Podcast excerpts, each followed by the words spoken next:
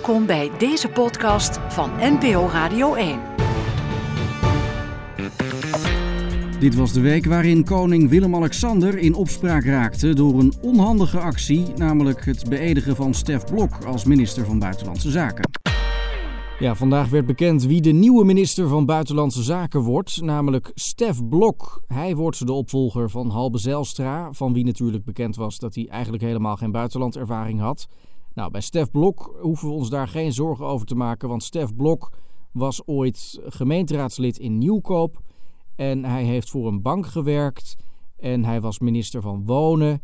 Um, nou ja, hij heeft inderdaad ook 0,0 buitenlandervaring, maar pas op, Stef Blok is natuurlijk ook de man, dat vergeten we wel eens, die in 1986 na een familieweekend in de buurt van Enschede vlak over de grens is gaan tanken, omdat dat in die tijd, vergis je niet, per liter uh, toch net wat goedkoper was. Daarnaast uh, even kijken, midweekje Ardennen heb ik hier staan in 1999.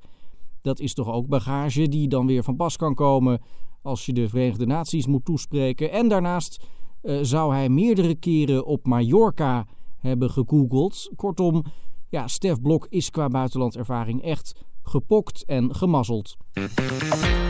Of Blok het langer vol gaat houden dan zijn voorganger, dat wordt nog spannend. Maar niet zo spannend als de knock-outfase van de Champions League. Ja, het was weer een historische avond in de Champions League. Want Liverpool heeft zich toch nog geplaatst voor de kwartfinales ten koste van FC Porto. En het was natuurlijk enorm spannend of Liverpool genoeg zou hebben aan die 5-0 overwinning in de heenwedstrijd. En het is er dus gelukt, heel knap. Maar ja, morgen dan krijgen we ook nog een kraker. Manchester City tegen FC Basel. Gaat het Manchester City lukken om die 4-0 voorsprong te verdedigen in eigen huis? Dat is de grote vraag. Het wordt erop of eronder. En volgende week dan krijgen we het echte werk. Want dan moet Bayern München uit tegen Besiktas met man en macht en hangen en wurgen een 5-0 voorsprong zien te verdedigen. En we weten allemaal dat het kan spoken in Istanbul. Dus het wordt echt een dubbeltje op zijn kant. Kortom, ja, de Champions League, het niveau is niet altijd even hoog. Maar de spanning maakt heel veel goed. Al met al leek het eigenlijk een vrij normale week te worden als alle andere. Tot we woensdagavond werden opgeschrikt door dat ene bericht. Ja, de eerste berichten kwamen vanavond binnen. Jasper Sillissen heeft een penalty gestopt. Het nieuws is nog niet bevestigd door de officiële autoriteiten. Maar volgens ooggetuigen zou het gaan om een gestopte strafschop in een vriendschappelijke wedstrijd tegen Espanyol. Uh, Jasper Sillissen, de keeper van Barcelona, die eigenlijk nooit een penalty tegen weet te houden. Maar vanavond is dat dus toch gebeurd. En niets lijkt nog zeker in deze wereld. Als gezegd, het nieuws is nog niet bevestigd. We proberen zo snel mogelijk meer informatie te krijgen over uh, wat er nu precies gebeurd is daar in Barcelona. En we gaan zo meteen in een extra journaaluitzending verder praten over wat dit betekent voor de internationale verhoudingen. Want uh, dit is toch iets wat niemand voor mogelijk heeft gehouden. Voor de mensen die net inschakelen, Jasper Sillissen zou een penalty hebben gestopt. Dat melden ooggetuigen. Nieuws is nog niet bevestigd. Later meer. En dan is het nu tijd voor onze vaste rubriek, de maatschappelijk omstreden salarisverhoging van de week. Met deze week de salarisverhoging van ING-topman Ralf Hamers. Ja, er was veel te doen vandaag over de salarisverhoging van ING-topman Ralf Hamers. Hij krijgt een salarisverhoging van 50% en gaat nu 3 miljoen per jaar verdienen. De grote vraag is natuurlijk, wat vindt de gewone man in de straat hiervan?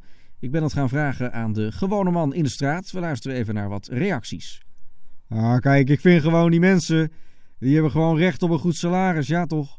Die werken hard. Uh, ja, tuurlijk, 3 miljoen, dat is veel geld. Maar hallo, uh, misschien is die gast al wel dubbel en dwars waard, joh. Ja, ik werk dan zelf in de thuiszorg. Maar als ik dan hoor dat zo'n bankier uh, 50% erop vooruit gaat, dan denk ik, ja, uh, dat is wel belangrijk om te voorkomen dat die topmensen wegtrekken naar het buitenland, hè. Ik vind gewoon dat die banken, ja, die moeten nadenken over een internationale concurrentiepositie. En daar hoort dit ook bij, dat vind ik. Nou ja, je hoort het uh, heel veel steun voor de salarisverhoging van ING-topman Ralf Hamers. Tot slot de gemeenteraadsverkiezingen. Het is altijd een beetje ongemakkelijk dat je rond lokale verkiezingen vooral landelijke politici op tv ziet. Daarom gingen ze dit keer met elkaar in debat op de radio. Ja, vandaag was het eerste verkiezingsdebat op Radio 1 voor de gemeenteraadsverkiezingen. Dat was met de landelijke partijleiders. Iedereen was er, maar Geert Wilders en Thierry Baudet hadden afgezegd. En dat was toch wel jammer, want de stellingen van het debat die waren daarvoor al opgesteld. En dat waren de volgende stellingen. Het partijkartel is de grootste bedreiging voor de democratie. De tsunami van islamisering moet worden gestopt. We moeten ons niet langer laten traineren door de perfide elites van de EU. Alle moskeeën in Nederland moeten worden gesloten. Het Spengleriaanse delirium van de massa-immigratie is fnuikend voor de westerse beschaving. We moeten terug naar de gulden.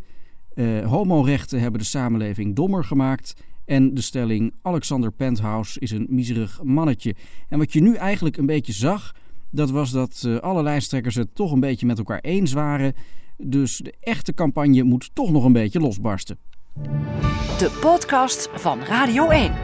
Ga naar nporadio1.nl/slash podcast. Daar vind je er nog meer.